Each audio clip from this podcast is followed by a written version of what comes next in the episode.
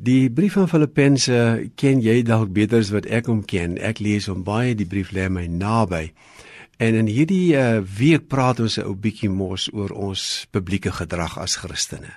Dit wat so ons help om die goeie boodskap van Jesus te vertel. Mense herken ons eintlik as goeie nuus mense.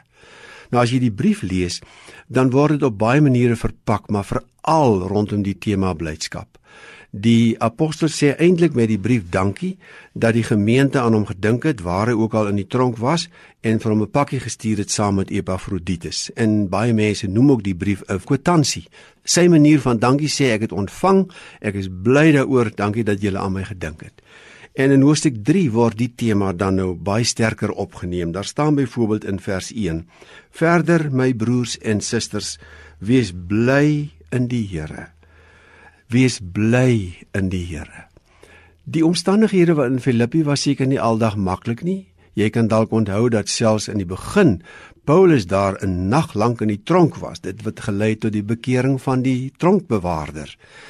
En die omstandighede het nie noodwendig makliker geword nie. Die vroeë kerk het nie altyd lekker gekry nie. Hulle het swaar gekry. Hulle is dikwels vervolg omdat hulle Christene was. Dis die tema blydskap word geskrywe aan mense wat 10 teen 1 nie vreeslik baie rede gehad het vir blydskap nie. Maar die hart van ons blydskap lê mos nou nie in ons omstandighede nie. Natuurlik is dit lekker as die omstandighede ook goed is, dan lag jy makliker. Maar vir Paulus word dit veranker in die Here.